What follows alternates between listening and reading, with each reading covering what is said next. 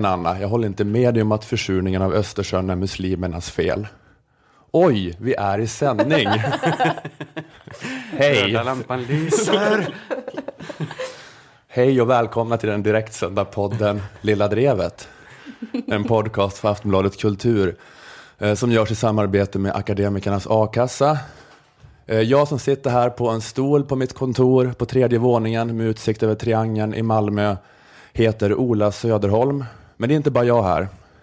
På mina axlar sitter mina två små korpar K. Hugen Svensson och Nanna Munin Johansson. De representerar förnuft och intuition. Hej på er. Hej. Hej, det är jag som är förnuftet. Det är jag som är intuitionen. Precis. Och varje vecka flyger ni ut i världen och hämtar information åt mig. Just det. Ni flyger över såväl Midgård som Asgård Mm, mm, Okej. och berättar vad ni har sett. Och på så vis kan ju vi identifiera sanningen och bringa ordning. Så ser vår arbetsprocess ut. Det jag försöker säga är att Lilla Drevet är ett program som försöker stå över samtidens futtighet och ha fokus på de verkligt avgörande frågorna. Jag gillar det här.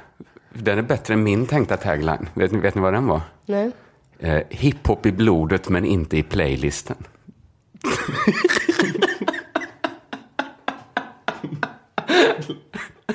Så jag tycker bättre om Olas. Eh, den, är, den är faktiskt ännu mindre töntig. Bara eldkvarn i playlisten.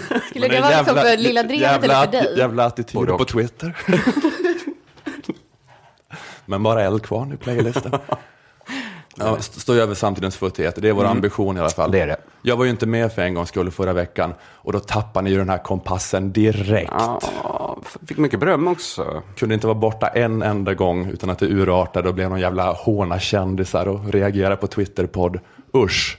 Moa hade en bra idé om sprutbytesprogram i och för sig, men annars var det bedrövligt. Jaha, okej. Då ber vi om ursäkt, jag och Livs vägnar. Nej, skämt åsido. Ni är värdelösa. Eh, Men, men nu tar vi nya tag. Ja. Nu ska vi prata om saker som inte är att eh, Per Holknekt har varit lite tönt i ett tv-program. eller att några gravt efterblivna människor på Twitter har haft en får man skämta om allt-debatt. Utan nu ska vi prata om sånt eh, som i grunden påverkar våra livsbetingelser här på jorden. Aha. För lite kommer jag prata om Twitter. Jag med. Ja, men jag älskar det egentligen. Ba, bara släng lite käft här. Men nu ska vi i alla fall prata det om det som då i grunden påverkar våra livsbetingelser på jorden. Vad är detta? Hämndporr. Hämndporr, okej. I måndags blev det olagligt med hämndporr i England och Wales. Hämndporr, ett brott. Alltså det som förr var den mänskliga rättigheten självförsvar. Har nu plötsligt blivit ett brott som kan bestraffas med upp till två års fängelse. Men hämndporr är alltså när man gör porr i hämndsyfte. Ja, Ja, kanske du har, om man har gjort porr i ett förhållande eller spelat in någonting och sen Så att efter man att det man, hämnar genom, att- man hämnas genom att eh, lägga ut det sen. Ja, ja, ja. Jo, jag förstod. Jag tänkte om det kanske var någon lyssnare som inte var lika bekant som ni två med fenomenet hämndporr. Ja, hämndporr är nu olagligt då i Storbritannien, Israel, Tyskland och 12 amerikanska delstater. Var ska det här sluta? Nej. Kommer det bli så här i Sverige också? Jag vill inte leva i någon kommunistisk totalitär regim som tar ifrån oss medborgare vår konstitutionella rätt till självförsvar. Alltså våra grundlagsfäder var inga idioter. Tror ni det? Nej, Nej, nej. nej. Alltså de visste att det bästa sättet att undvika totalitarism och maktkoncentration hos en enskild despot var att alla medborgare hade samma rätt till hämndporr. Att det var bästa sättet att verkligen garantera att makten alltid skulle utgå från folket. Du raljerar här. Nej, nej, Nej, nej. nej. Eh, nej, men... Och jag, jag förstår så att hämndporr är farligt i händerna på vissa människor. Men sådana människor kommer inte låta sig stoppas av en lagstiftare då. Nej, De kommer ju ändå hålla på med det. Alltså det enda som händer är att man tar ifrån oss skötsamma medborgare vår möjlighet till självförsvar. eh, jag har så svårt att följa det nu om du är för eller emot hämndporr, Ola. Nej men jag tycker att det, är- jag är liksom, jag är för det. Sen så måste man ju handskas med det varsamt. Men jag tycker att det här är liksom, att det är ett stort feltänk hos människor som vill ha restriktioner när det gäller hämndporr. Att de tror att samhället nödvändigtvis blir mera tryggt om det finns mindre hämndporr. Nej, just Hämndporren är starkare än svärdet, brukar man säga. Du vill skilja på bra och dålig hämndporr. Ja, men alltså, alltså grejen är att det ska inte bara vara bad guys som har hämndporr. Utan det ska också vara good guys som har det. För att vi som är goda inte ska vara hjälplösa. Just Alltså, alltså, Bara, bara för att jag har hämndporr på olika USB-minnen så är det inte som att jag vill använda det. Alltså förhoppningsvis ska det aldrig användas. hämndporr dödar inte människor. Nej, precis. Dödar. Svekfulla människor döda. det är ju ja, men det är bara som en brandförsäkring. Med allra största sannolikhet kommer man aldrig få användning för det, men man måste ändå ha det. Jag tycker det är jävligt naivt och dumt. att, inte, att inte bry sig om sin säkerhet mer. Nej. Att man är så för godtrogen och, och tror att hela livet är en rosa bubbla. Alltså är man i en relation tycker jag man ska vara ansvarstagande och spela in hämndporr. Oavsett hur bra man tycker att relationen är nu. Alltså, för, alltså liksom man får, alltså det är så lätt att så vara dum och så tänka jag är kär nu och allt är bra. Varför ska jag hålla på med något sånt? Men man måste liksom tänka bortom det och vara beredd på alla eventualiteter. Lite som i fabeln om myran och gräshoppan. Att myran eh, festar hela dagarna, spelar inte in någon hämndporr. Mm. Och sen kommer vintern och då sitter han där i skiten. Ja men precis, precis. Man får inte Tvärtom, det är gräshoppan. Man ska ju såklart fånga dagen, men man måste också tänka framåt. Imorgon är en annan dag. För alla eventualiteter och ändå då spela in ganska mycket. Så, Lagom ut. Utifall inte jätte, jättemycket, men, men en ansenlig mängd. Jag säger inte att man ska spela så här supermycket hämndporr, Nej. det, det har jag ju aldrig sagt. Nej. Och som sagt, det är ju ingenting man vill använda. Det är bara något man ska använda i så extrema undantagsfall, i yttersta nödvärn. Alltså när man verkligen inte har något annat val. Det är lite som själens antihistamin. Det är bra att ha liggande i en låda ifall olyckan är framme.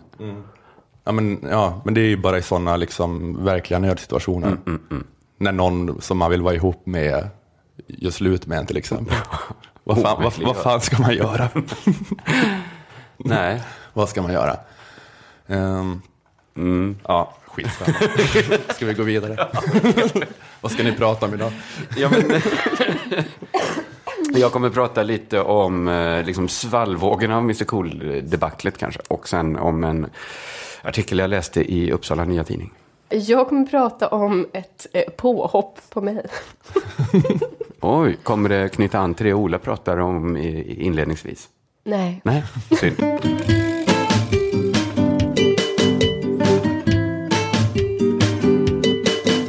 Jag fick tips av en kompis om en krönika i Uppsala Nya Tidning.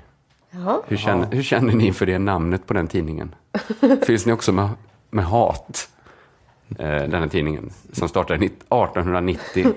Uppsala Nya Tidning. Byt namn. Gammal spaning. Inte så gammalt som ordet nya i Uppsala Nya Tidning. Och så det där att de stavar Uppsala med ett P. Ren provokation ju. Ska vi Eh. spela en jingle nu? Eller är det, mer, är det mer i den här spaningen? Nej, detta, men spelade de inte en jingle innan? Va, nej, jag bara skojade att, att det här var hela skämtet. Ja. Detta är min spaning, ja, att Uppsala Nya Tidning. Borde lägga till ett P. Lägg till ett P, ta bort nya. Eh, nej, så jag blir ju på dåligt humör redan när jag går in på unt.se. Sen För jag gick, sen vet- gick du in på Gefle Dagblad och då jävlar. då skita det. om Gefle Dagblad? Ja, det förstår. Sen gick jag in på Nerikes Allehanda och blev helt tokig. Så satte du liksom så här högst upp här på taket på Scandic här på Triangeln och bara började skjuta på människor Jag gick in på. Värmlands nation i Smålands och, och sköt ihjäl några studenter där. Det stavas inte med W. Har ni hört talas om stavningsreform? Den här artikeln eh, fick mig i alla fall att tänka på det vi pratade om senast, då ingen av er två var här. Så jag tänkte, roligt för er. Kul att vi får med lite. Och också få prata om den här moralkonservativa feminismen som grasserar. För den artikeln då jag läste var ett så ovanligt öppet moraliserande över eh, kvinnors sexualmoral. Det är alltid spännande när folk är helt öppna med, sin, med sina sonkiga åsikter. Rubriken var Dags att göra slut med pappa. Den tog upp det här fenomenet att många kvinnor gärna har, ihop det med äldre män.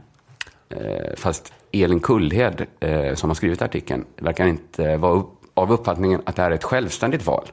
Okej. Eh, hon har gjort en populärkulturell spaning som stöder det här. Så här skriver hon.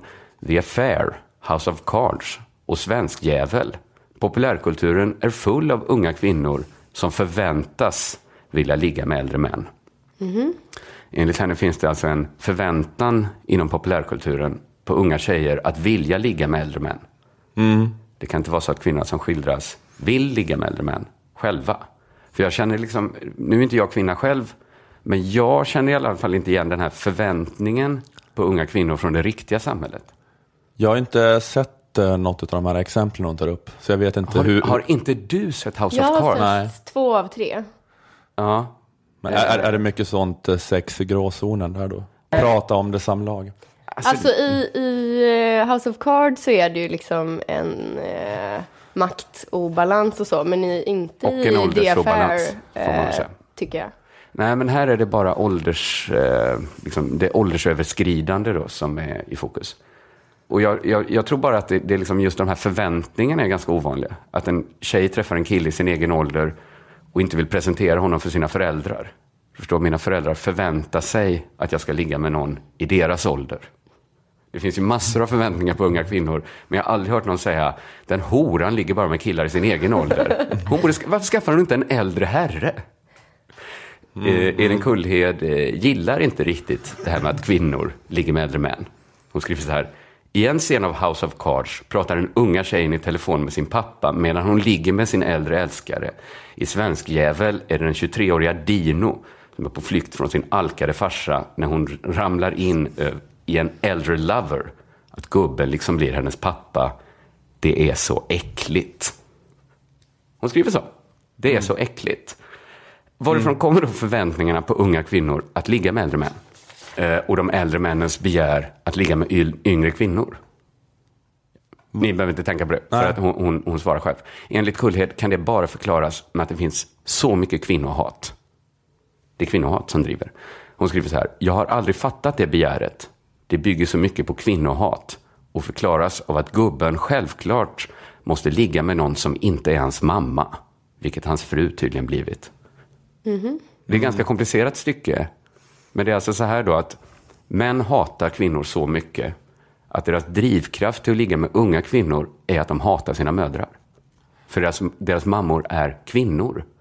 Det är den bästa förklaringen till att män vill ligga med yngre kvinnor. Den enda förklaringen.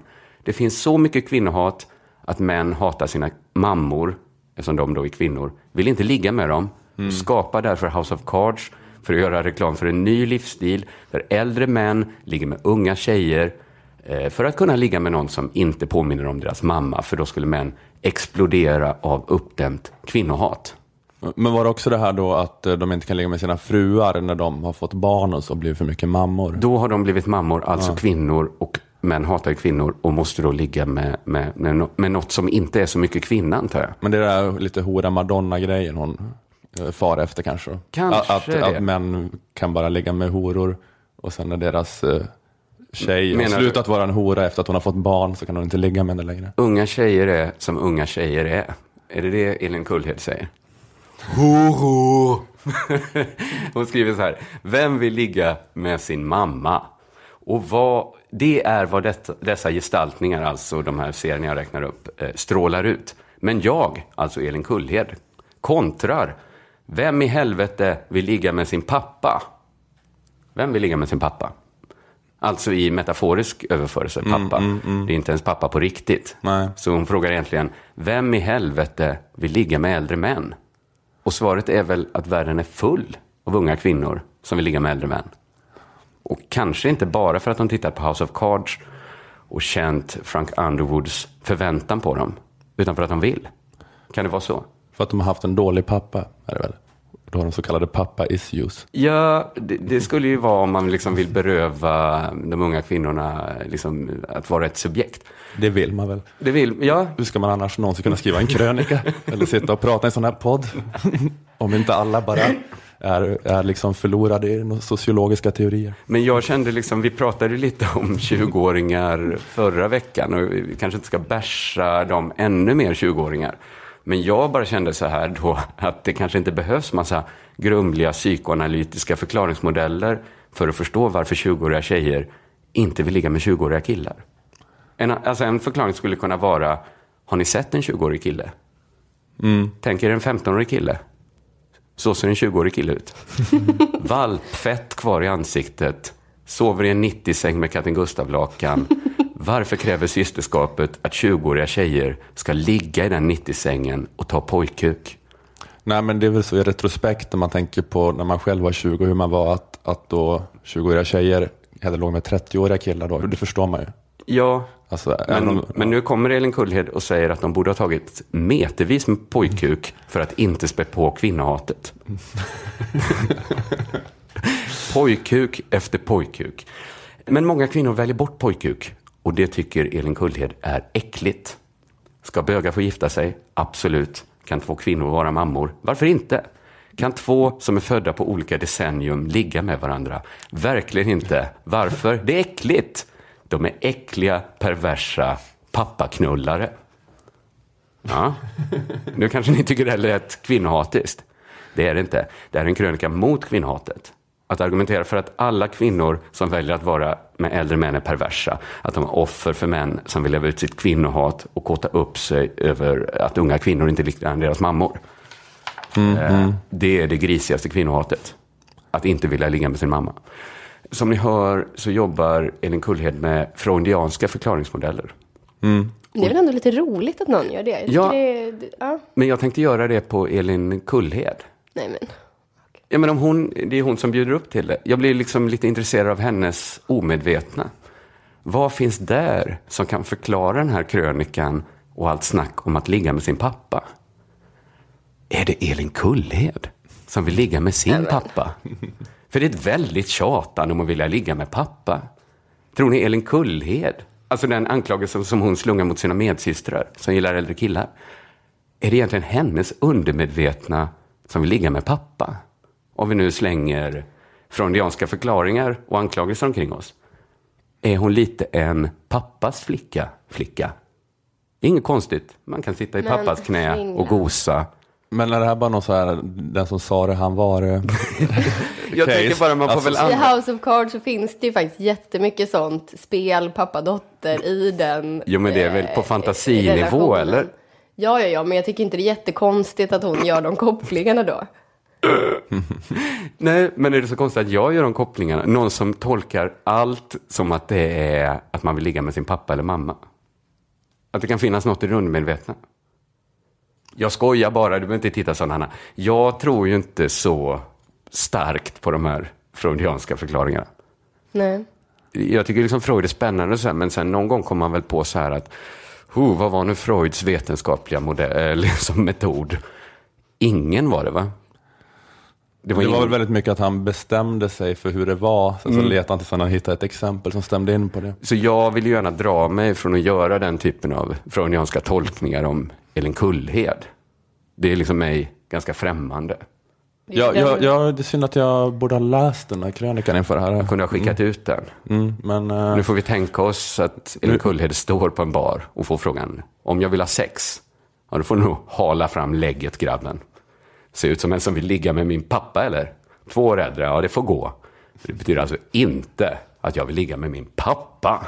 Himla tjat om min pappa hela tiden. Varför skulle jag vilja ligga med min pappa? Vad är det? Nej. Eh, Nej, Elin är säkert fullt frisk, till skillnad från alla perversa som har eh, förhållanden över åldersbarriärerna. Eh, men det är ju lite eh, intressant det här att det, att det äcklar henne så mycket. Tanken på en ung kvinna lite... som har en sexuell attraktion till en äldre man. Att hon inte kan förstå det. Hon skriver så, jag har aldrig begripit det begäret. Det är äckligt. Men det där är också så här att jag inte begriper det begäret. Hur många begär är det man inte begriper själv? Det är så här vad eh, att, eh, eller du vet, ja men jag begriper inte homosexuellas begär. Nej. Men man kan ju inte riktigt ha en debatt om vad man får stånd av. Så här, stå och skrika åt folk, ditt stånd är fel. Nej, det är Jag lite konstigt begriper att det inte. shamea någon. Ja, men lite kanske. Men är, närmar man sig liksom inte moralismens kärna här? Att förhålla sig skeptiskt eller fientligt till det som inte är en själv. Alltså är man inte bög då, som Ola sa, eh, gillar man inte bögar, om man är, så så är ju konservativa. Förr fanns inga bögar, tänker de. Det funkar väl utmärkt. Men det är också så här att eh, man kan inte liksom lyfta blicken över sin egen kåthet. jag fattar inte varför man tänder på det här. Så då ska ingen tända Om på det här. jag gör det, då måste det väl ändå vara fel på något sätt. då är det något Skriva som en är... krönika. Eh, men det, nej, det kanske var lite överflödigt med tanke på att vi pratade om det förra veckan. Men jag tyckte det bara var intressant med att belysa det med ett så tydligt exempel.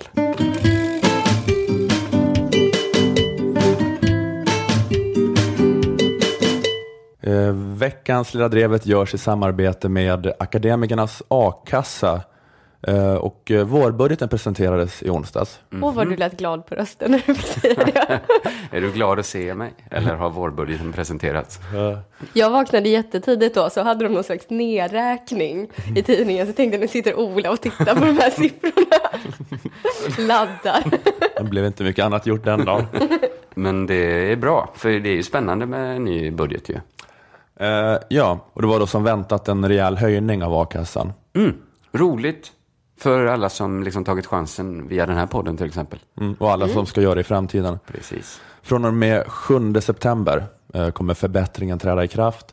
Och då blir det så att de som har en månadsinkomst upp till 25 000 kronor får 80 procent av sin inkomst i a-kassa. Herregud, det är goda pengar det. Tidigare var ju taket 18 700, så Ja. det är en rejäl höjning. Jävlar. Det är nästan som man saknar incitament att återvända till arbetslivet efter att ha haft det så gott. Alltså. Ja, men bara nästan. Ja, nästan. Det, här kommer vara bra för...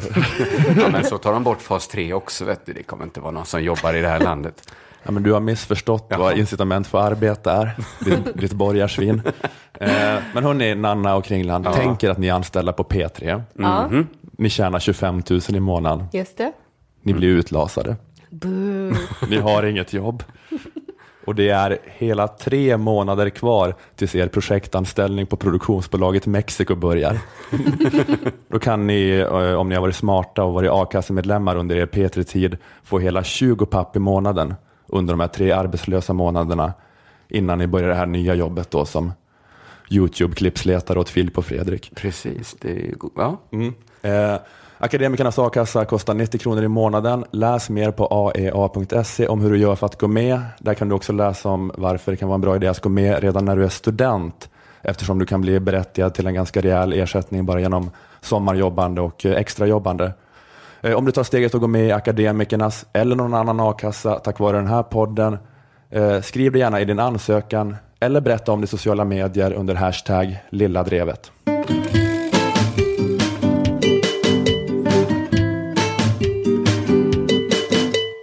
K. Svensson. Mm.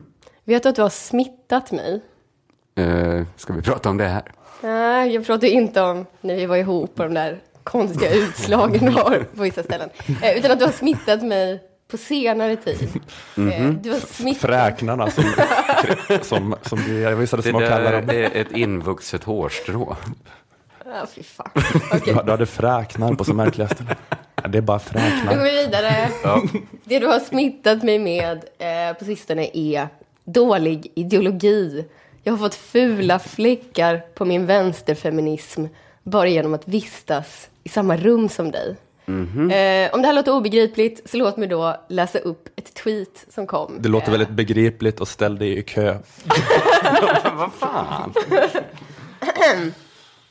Vitas favvofeminister Liv Strömquist och Nanna Johansson Humble driver brag. podd med denna, äh, denna man. Och det ifrågasätts inte mer för, utrops, eller frågetecken, frågetecken. Under den här tweeten eh, så är det några screenshots av dina tweets, K. Så alltså Aha. dig personen syftar på. Eh, lite längre ner så förklarar twittraren ytterligare vad som menas. Tycker inte att två väldigt hyllade feminister ska kunna gulla med någon rasist slash sexist Mhm. utan att några frågetecken ställs. Eh, Det här är inte första gången som Nej. jag och Liv kritiseras eh, för att vi har en podd med dig, K. Det är som att ni hade handlat med Sydafrika under apartheid. Ni har visst ansvar. Ja. Men då kan man också se det som Carl Bildt tyckte på den tiden att det ändå är bättre att upprätthålla handel för att man via den dialogen kan påverka den här, dessa satans mördare i rätt riktning. Vi hjälper inte negrerna med att inte handla med dem, som Ulf Adelsohn sa. Just det. Poet.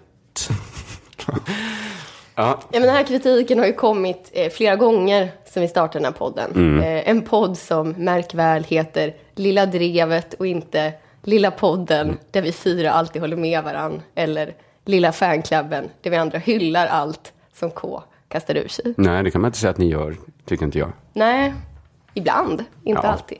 Men det spelar ingen roll, för bara det här att vi en gång i veckan sitter på samma kontor och pratar i mikrofoner som är placerade en halv meter ifrån varandra. Det är liksom tillräckligt för att man ska kunna misstänkliggöra hela min ideologi. Mm, Eh, kan man verkligen vara säker på att jag vill jordens kvinnor väl när jag är kapabel att sitta i ett rum med K. Svensson utan att spotta på honom? Att Eh. frågan ens kan ställas i svar nog. Finns det minsta tvekan så kan man såklart inte lita på mig. Jag har blivit en kontaminerad feminist. Eh, någon slags fallen kvinnosakskvinna som nu stryker runt med skummisar. Eh, för om man liksom ska vara en sån renlärig, antirasistisk vänsterfeminist så måste man liksom bara omge sig med sånt som är uppbyggligt. Eh, det är lite som feng shui. Man ska möblera sitt feministiska tempel så att inget störande rubbar de goda energierna. Eh, I sin lägenhet kan man till exempel ha en affisch på Beyoncé, eh, någon slags virkad snippa som man köpt på en feministisk hantverksfestival. Men sitter ett stycke K. Svensson där i soffan och sippar på en kopp kaffe, då är ju allt förstört. Lika bra att hälla bensin på lägenheten och tända på. För ren kommer den ju aldrig bli. Ja, det är att ta i. Istället för att driva en podd med K. Svensson borde jag flyttat in i ett syrgastält och fått små portioner av ekologisk mat inskjuten tre gånger om dagen för att vara helt säker på att inte träffa någon som skulle kunna smeta av något smittsamt på min fina, heliga ideologi. Eh, Men nu gjorde jag inte det. Nej. Därför så är jag ju nu bortom räddning. Jag har ju redan fått in de här extrema risknivåerna av osunt umgänge i mitt blodomlopp. Eh, Så jag kommer aldrig kunna bli helt ren som feminist. Nej. Det kommer alltid finnas en liten skarp doft av K. Svensson som hänger kvar i luften när jag gått förbi. Men kanske, kanske att mina barnbarns klasskompisar barnbarn skulle kunna bli renläriga feminister och vänstermänniskor om de börjar varje mening med att ta avstånd från mig eh, för att jag drev en podd tillsammans med K. Svensson. Eh, det här är lite tramsigt av mig, men en sak som också är lite tramsig tycker jag är att kräva av alla vänsterfeminister att de bara ska röra sig i rum med människor som är till 100% lika vänsterfeministiska som de själva. Är du emot säkra rum? Jag kan, tycker att om man vill ha säkra rum själv så kan man ha det. Men jag tycker inte att det här rummet är superosäkert för att du sitter här.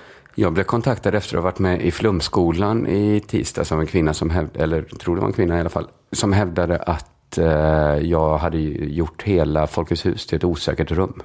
Där kvinnor inte kunde vara. jag vet inte hur vi kommer där. Ja, men det är sån uh, Ja, Men jag tycker det, det är helt okej tycker jag, att, att liksom välja, att välja liksom säkra rum för sig själv. Men jag tycker det är så konstigt att, att kräva att jag ska bara röra mig i rum eh, med folk som tycker som jag. Jag tycker det finns något nästan liksom religiöst över det. Man kanske kräva inte- att jag ska hålla mig borta från sånt som är haram, det vill säga K. Svensson. Ja, du kanske inte gillar te och är allergisk mot katter. Och då kan du inte vara i de här säkra rummen. Du menar att alla... Ja, men, eh, men de här människorna är ju idioter. Alltså-. Jo men det är de ändå. Det är, man kan ju verkligen ta skärmdumpar och spara tills när man ska göra liksom en, till Sabba som den här tiden om 30 år. Ja. Så kan de vara comic relief-karaktärer. Då kommer min hårddisk vara ett viktigt dokument för att där finns många screendumps. Ja, jag har faktiskt sett någon av dina sådana mappar där du bara samlar ammunition mot folk. Ehm, nej men det, Ja, men det jag, jag tycker det här är så konstig, så konstig grej just det här att det är väl en sak om man själv väljer bort till exempel dina tweets eller, eh, eller sammanhang där du är med. Men jag tycker det är lite konstigt krav Hey, I'm Ryan Reynolds. At Mint Mobile, we like to do the opposite of what Big Wireless does. They charge you a lot, we charge you a little. So naturally, when they announced they'd be raising their prices due to inflation, we decided to deflate our prices due to not hating you. That's right. We're cutting the price of Mint Unlimited from $30 a month to just $15 a month. Give it a try at mintmobile.com slash switch. $45 upfront for three months plus taxes and fees. Promo rate for new customers for limited time. Unlimited more than 40 gigabytes per month. Slows. Full terms at mintmobile.com. att ställa på andra. Och det här tycker jag man har sett ganska mycket av. Eh, jag har sett liksom vänstermänniskor kritiseras på Twitter för att de är ihop med någon som är höger. Jag har sett folk bli påhoppade för att de har för trevlig ton mot någon som har avvikande åsikt och så vidare. Detta kanske knyter an till det jag pratade om tidigare, att de här liksom kraven på liksom politiska människors privatliv. Att man liksom vill gå in och detaljstyra dem. Det handlar ju, här handlar det om vilka människor du ska umgås med. I den krönikan som jag läste upp så handlar det om vilka man får ligga med och inte ligga med. Ja, men, eh, jag menar att det är sånt fokus på någon bara extrem moralism och privatmoral. Att det kan vara så jävla viktigt för dem. Men Men det är är- ju helt otroligt. Alltså, ja, eller det är också så här, får det kritik att säga att det pågår viktigare saker. Men det pågår så oerhört mycket viktigare saker. Ja. Alltså med, om man vill ha samhällsförändring. Men är, Eller liksom sitta och ha sådana där, men är äh, de, liksom, eh, äh, säga åt olika människor på Twitter att tvätta munnen med tvål. liksom medan polarisarna smälter. Ja, men de kanske, de kanske inte är konservativa egentligen som jag sagt innan. De kanske är någon sorts supersossar som vill att staten ska liksom bestämma. Per Albin Hansson ska bestämma allt. Ja, men Per Albin Hansson hade ju två fruar. Han var inte så sträng. Men sånt där. Ta Tage Erlander då. Han hade väl bara sin Anja. Så tittar man på hur skulle, Det var en rejäl fru. hur skulle Tage Erlander ha gjort? Så gör jag. Ja, jag vet inte. Jag tror inte att de där liksom Hej Edit-feministerna tänker på Tage Erlander så mycket.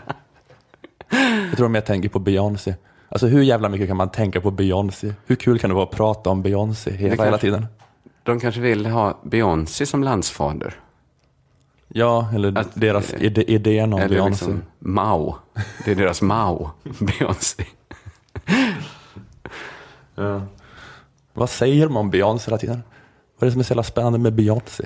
Men, ja, men det där tycker jag är, är liksom, eller att hon mer är, jag tänk, eller hon kanske inte är någon sån, Ja, jag tycker att Beyoncé väl framförallt är liksom en, en, eh, ett helgon inom subkulturen feminism mer än ideologin feminism.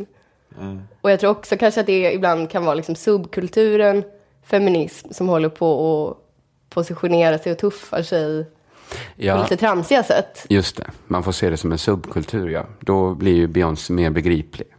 Men det är kanske så liksom samarbetet med K. Svensson ska ses. Att det är så här, lyssnar du på det bandet?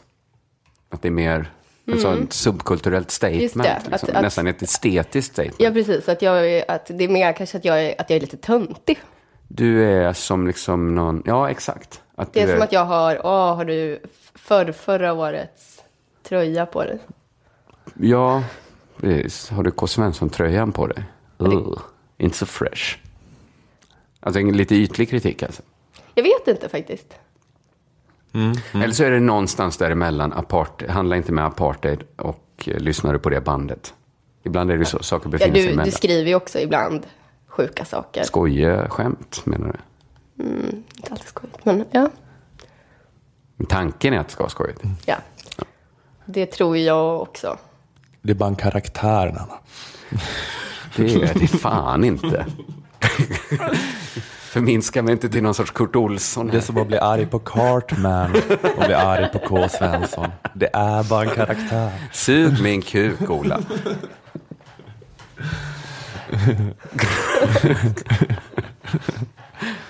Um, apropå den här debatten så blir det också så jävla...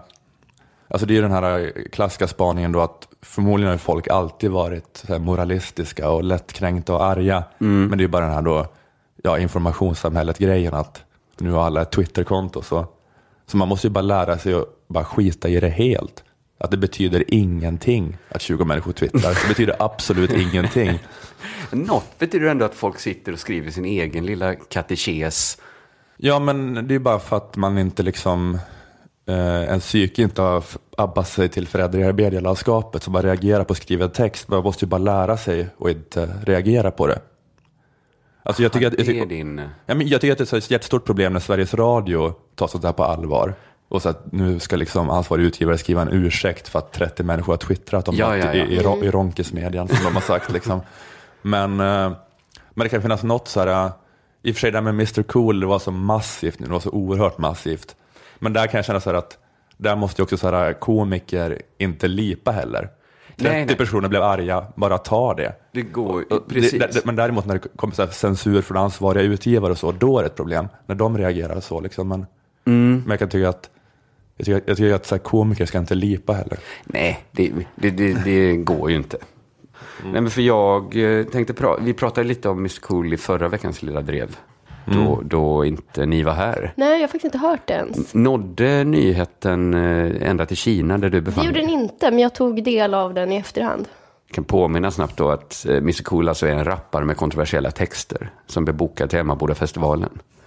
Eh, som då fick så starka protester att Anton själv valde att hoppa av.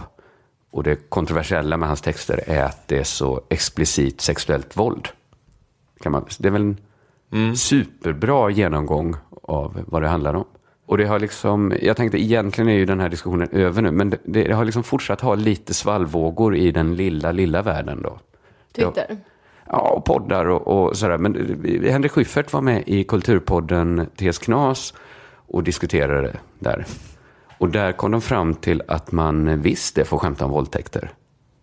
Och tanken är att eh, det kanske gör folk ledsna eller upprörda, men det skapar inga nya våldtäkter.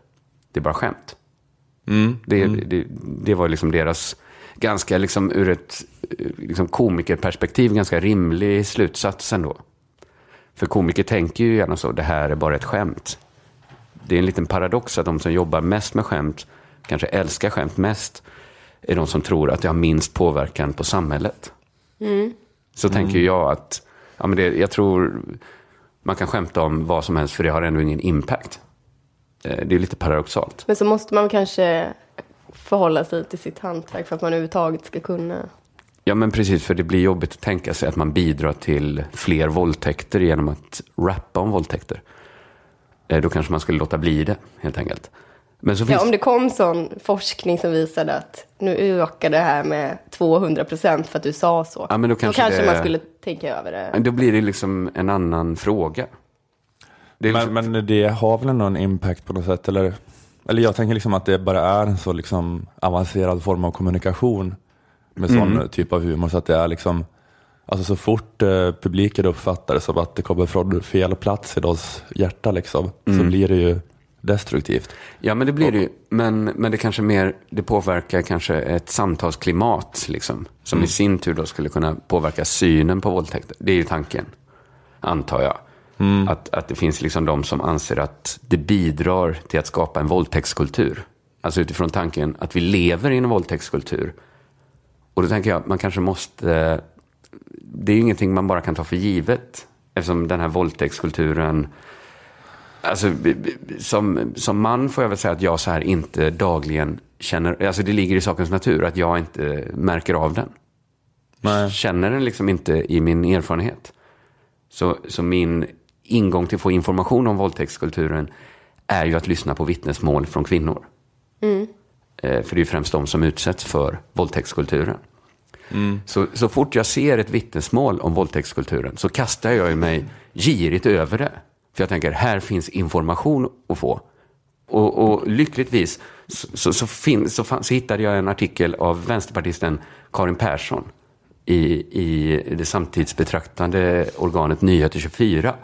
Eh, där hon försvarade bokningen av Mr Cool i en krönika. Hon försvarade med att han har inte skapat våldtäktskulturen, utan han, han verkar inom den. Oj, Man ska inte bli arg på Mr Cool, utan på själva våldtäktskulturen. Och där, med sådana försvarare. Ja, men jag tyckte det var spännande för att hon bjöd på en inblick i våldtäktskulturen. Jag fick veta hur det är att vara en ung kvinna på festival. Hon skriver så här. Har du otur kommer en söt och helt vanlig kille med snedlugg tvinga dig att ha analsex i hans tält. Samtidigt som resten av hans kamp skriksjunger Jag kommer, jag kommer, jag är nästan där, precis utanför. En kille som ska bli jurist kommer kanske knulla dig jättehårt samtidigt som han håller sina händer runt din hals så att du tappar medvetandet flera gånger av fylla och syrebrist. Tråkig festival. Ja, Först analt våldtagen av en kille med snedlugg. Sen strypvåldtagen av en jurist tills man svimmar.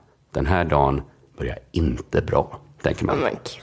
Typisk Ja, nej, men det- det är- vanlig dag på festival i en våldtäktskultur. Jag har, det, här blir, det här blir verkligen inte kul, men jag har eh, varit på festival med tjejjourer och det är jätte, jättemycket skit. Ja, det är det jag kan tänka, eh, verkligen kan tänka mig. Men därför skulle jag tycka att det framgår liksom inte i den här artikeln om detta är en vanlig dag eller en ovanlig dag. Ja, men det var ändå, tror jag, när Hultsfredsfestivalen fanns vet jag att det var typ fem, sju våldtäkter varje år. Liksom. Emmabodafestivalen ska ju också vara känd för sina många våldtäkter. Eh, men jag tycker liksom ändå, ändå att det är avgörande eh, om detta är något man mer eller mindre kan förvänta sig som kvinna på festival. För det låter ju ganska hårt. Eh, ja, alltså, ja, ja, det är klart, ifall det är 10 000 besökare så är det ju eh, de flesta. Nej, men alltså, hon skriver också, Karin Persson, då, att det, det måste inte gå till så här. Det händer inte i 100% av fallen. Man kan ha en härlig festival, men då kommer nästa problem. Det var bra att hon skrev det så att även autisterna som du som läste det här kunde förstå att det inte var så bokstavligt. Hon skriver så här, eller så har du en härlig festival. Åker hem till din mysig och medvetna pojk, äh, kille som internetkrigat bort Mr Cool från Emmaboda. Mysigt. Det tänker man ju, det är mysigt.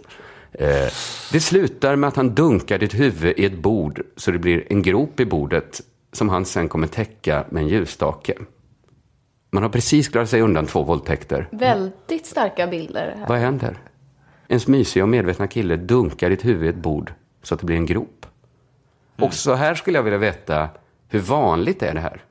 Är detta något som alla kvinnor alltid måste oroa sig för? Dagen började bra, jag blev inte våldtagen två gånger, men nu ska jag hem till min mysiga, medvetna kille och bli misshandlad med möbler. Alltså lite tycker jag det är avgörande hur vanlig hur är detta, liksom, kan man kalla detta dagbok ur slumpvis utvald sida ur vilken kvinnas dagbok som helst? Om man lägger in detta som ett argument för att vi lever i en våldtäktskultur alltså. Då skulle man vilja veta, är det vanligt av- eller superovanligt? Av, eh, det som kallas för våldtäktskultur är väl just att den här ständiga oron för att det kan hända. Mm. Så du skulle säga att Karin Persson spär på våldtäktskulturen genom att skriva den här krönikan? Nej, hon försöker väl ge en skildring över vad man oroar sig för. Aha, för då, då tror jag jag läste den liksom på fel nivå. För jag läste den som någon sorts skildring av en vanlig dag i en, festival, en kvinnlig festivalbesökares liv. Varför gjorde du det? För att det stod ingenstans att det inte skulle läsas så. Eh, Eller det var just det jag efterfrågade, liksom, om man säger att någonting tillhör en kultur så, så antyder man väl att det här är vad man kan förvänta sig. ja, men Nej, men det verkar ju lite konstigt att inte, eh, om man ska ta upp en destruktiv kultur, då måste de väl ändå beskriva liksom de eh, eh, exemplen på hur den här kulturen yttrar sig. Mm. Och inte välja exempel då det inte händer någonting.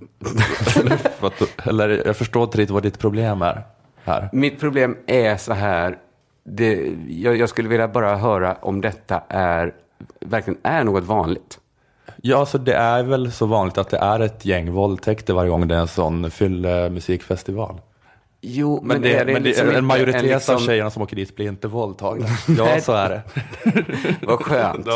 Vad skönt för alla. För det låter ju som att det där är ingen rolig ställe att vara på. Och det är inte roligt att komma hem heller. Det är aldrig roligt, någon gång ju. Får jag känslan av. Eller, nej men för att, eftersom ja, jag själv ja, inte ja. känner av eh, våldtäktskulturen då med mina manliga eh, erfarenheter. Mm. Så måste, detta är min en, mitt enda sätt att få information om våldtäktskulturen. Så jag, jag har ju, det är bara liksom fullt normala frågor jag ställer mig. Om du tänker med att hon kanske med sitt eh, här, grafiska språk och grova exempel eh, kan sprida någon slags eh, skrämsel. Att hon överdriver. Jag det kan göra tycker att det låter superobehagligt. Jag har nästan ingen förståelse alls för att någon åker på de här festivalerna. Men, men det kanske är för att det inte liknar mina erfarenheter alls. Man kanske har så himla skilda erfarenheter. Det, det är liksom, jag lägger ingen... Det, det, bara, jag, det bara stod ut som liksom väldigt starkt för mig. Mm, jag, jag vill verkligen inte misstänkliggöra henne, men är det så vanligt att killar slår sönder bord med sina flickvänner? Har killar numera utvecklat en känsla för att slå sina flickvänners huvuden precis där det passar att ha en ljusstake? Eller för att om man bara dunkar sin tjejs huvud i bordskanten så att det blir en grop, då ser det lite konstigt ut kanske att ha en ljusstake där. Har detta vad, är det du, vad är det du vänder emot? Att hon, att hon använder sig av eh, ett målande exempel? Eller? Jag vänder mig emot att detta aldrig någonsin har hänt. Ingen har fått sitt huvud dunkat i ett bord så det blivit en grop där det passat att ställa en ljusstake. Det har aldrig någonsin hänt. Okej, så du klagar över att hon, hon använder orimliga bilder? Hon har ju hittat på ett exempel som aldrig någon har varit med Men om. vi får ju hoppas. att- Jag, jag hoppas som fan att ingen har varit med om det, att det blivit en grop i bordet. Vad är det bordet byggt av? Där det blir en grop. Nej men på riktigt. Om någon kommer in till polisen och säger så här, jag har blivit slagen i huvudet i ett bord så det blev en grop i bordet. Då tycker jag polisen har rätt att fråga så här, skulle vi kunna få titta på det bordet? För det låter helt jävla osannolikt. Och de bara, det är väl inget fel på det? tänkte, Nej, ska- ska- lyft på ljusstaken ska du få se. Ja, vi tyckte väl att den stod lite konstigt. Ja, men vad fan. Det har väl inte... Men berätta hur det bordet är beskaffat. Där det kan bli en grop. Nej, men vad är, vad är, vilket material består det bordet av? Ja, men kanske om det är någon sorts metallbord då, så det kan bli en buckla i det. Ja, det kan det väl vara. Ja, men då är det kanske ett sånt bord då. Är det jätteviktigt för dig vad det är för, Ja, vad det är för bord? Ja, men är det en påhittad historia eller är det något som händer ofta? Men vad, vad händer i dig när du läser den här nyheten? 24 krönikan Jag och blir reagerar på det här. jätteilla berörd att det är så här. Att man kommer hem från en festival till sin mysiga medvetna pojkvän och sen slår han sönder bordet med huvud så det blir en grop i bordet. Att om en tjej säger till mig så här, jag har skaffat nya ljusstakar. Ska jag då liksom ta henne, liksom lägga hennes hand mellan båda mina och så viska förtroligt till henne, du måste lämna honom. Jag hörde att ni var i glasriket och fyndade ljusstakar. Ta kontakt med en kvinnojour. Nej. Är det en ljusstake du har i fickan? Eller ska vi ha samtyckessamlag kanske? Va? Jag ger eh, Twitter rätt. jag vill inte ha en podd med dig.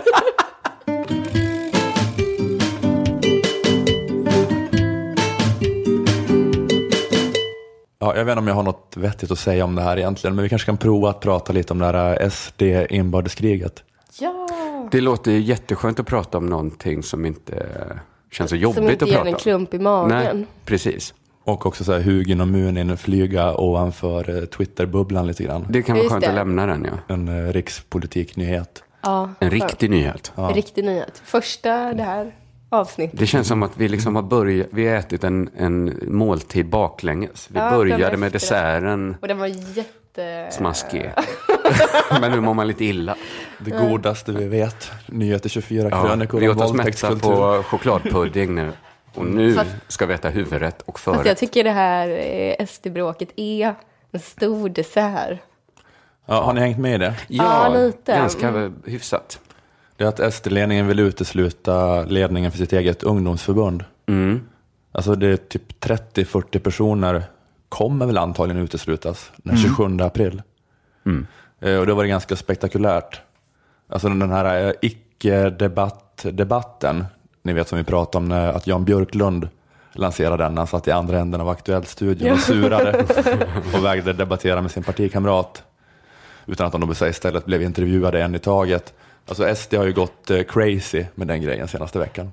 Det, var, det har varit tre sådana om dagen då Gustav Kasselstrand, ledare för STU, sitter i ena änden av studion och karaktärsmördar SD-ledningen. Och eh, partisekreteraren Richard Jomshof sitter i andra änden och säger inga kommentarer. De gillar inte varandra alls. Nej, de ogillar varandra starkt, verkligen. Eh, Men eh, ledningen menar då att konfliktlinjen går mellan de som inte sluter upp bakom socialkonservatismen och nolltoleransen.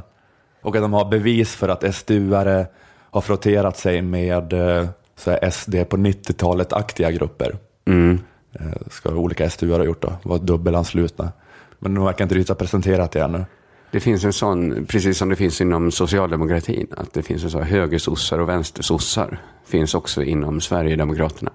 Vänsterrasister och högerrasister.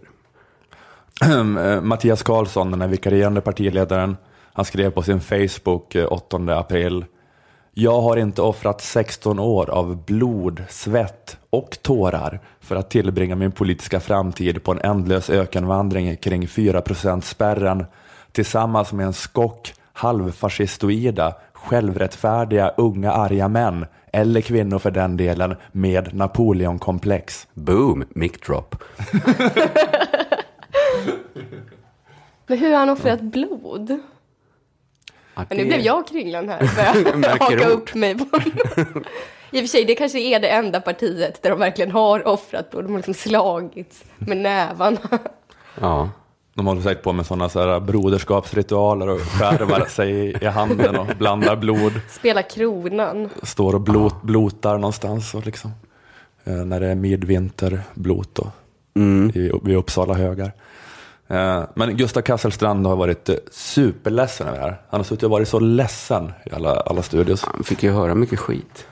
Först vill jag bara säga att jag är arg och ledsen och upprörd över att eh, utsättas för det här övergreppet från Mattias Karlsson och hans eh, närmaste vänner. Och den här typen av anklagelser som du precis läste upp, det är någonting som jag aldrig under alla mina år i partiet och ungdomsförbundet har fått höra, ens från våra värsta politiska motståndare på extremvänsterkanten. Hoppla. Alltså de här attackerna som kommer från hans egen partiledning nu är mer hetska än något han någonsin hört från vänsterextremister.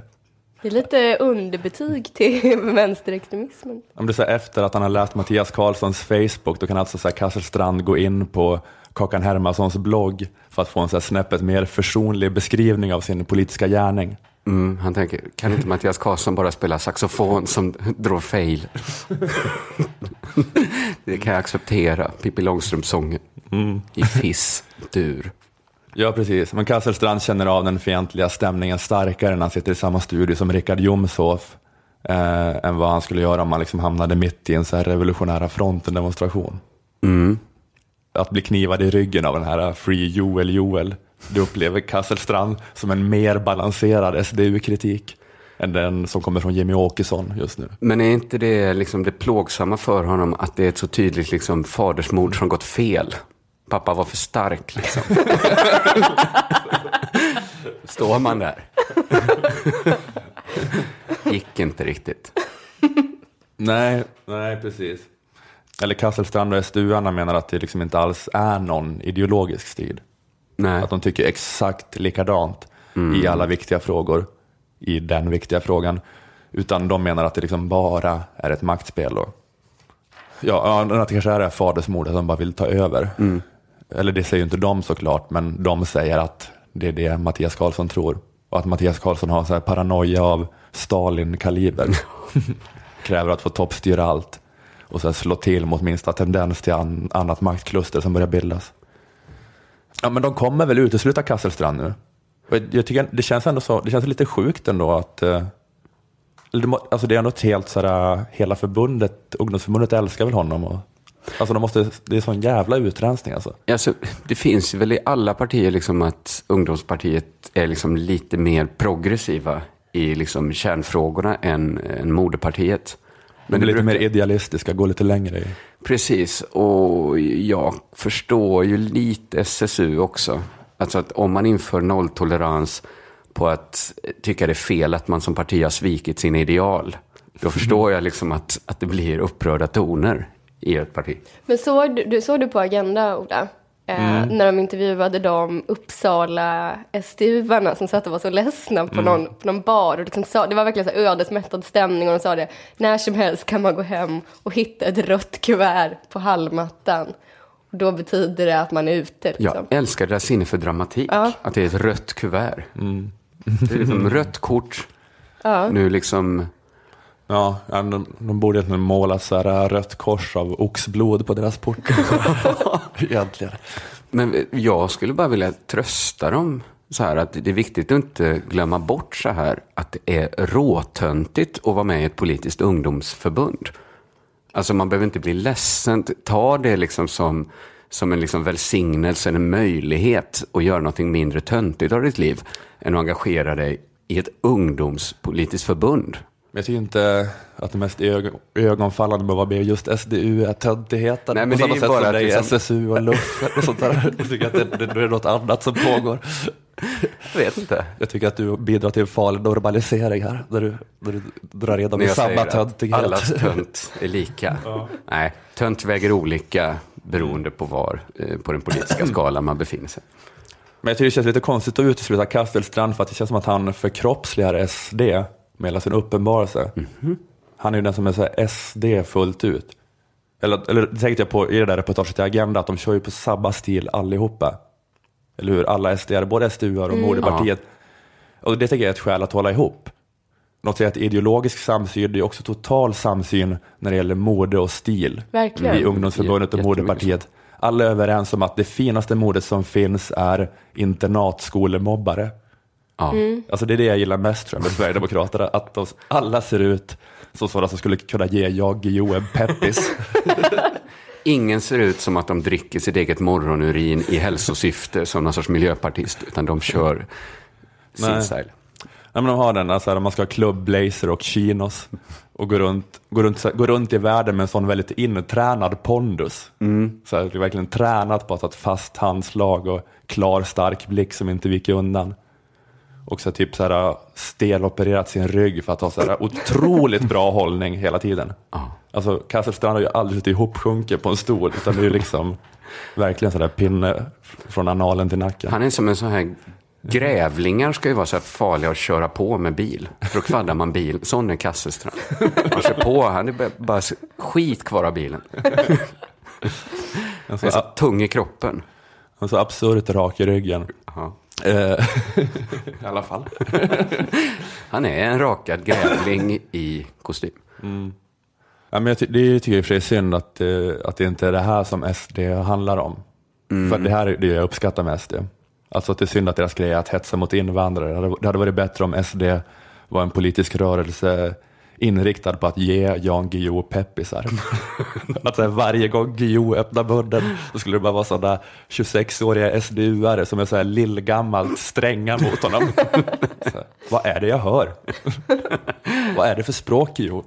Ingen käft. Ingen käft Guillou. Kom hit. Kom hit. Vad är det för språk? Vad är det för språk Guillou? Ja, de har varit jättebra på det. Om jag, det, det är väl därför de kanske är så emot socifieringen av moderpartiet då. Att det håller på att eh, bli massa sittkissar i hela liksom, partiet. Ja, kanske, men, men de ser ju också ut så. Alltså, den stilen har ju Mattias Karlsson och Björn Söder. Och, Men inte Jimmy. ja, ja, li- ja, kanske han har lite mesigare sådär. Ja. Fast han har också den där blazern ibland. Men ja, nej, det är sant. Kanske inte Jimmy. Ja, Jimmy påminner mer om eh, den här lite, eh, lite småplufsiga killen i Ondskan. Med, ja, han som vill eh, bli jurist. han som inte är ett nordiskt praktexemplar. Nej, utan precis. tillhör den sydeuropeiska, halvslappa, smygjudiska sorten. Men annars får jag hålla med om att de kör samma style, hela gänget. Ja, men det är det. Om jag hade haft oändligt med pengar så hade jag styrt upp, styrt upp den scenen. Att så här, Kasselstrand skulle slå Guillou i pannan med ett bestick. alltså, jag, jag hade krävt den underhållningen om jag hade varit Saddam Husseins son. Fixa det här åt mig. Du och ditt GO-hat alltså. Står där. Det är så vidrigt att behöva lyssna på. Vad är det för språk? Ingen käft.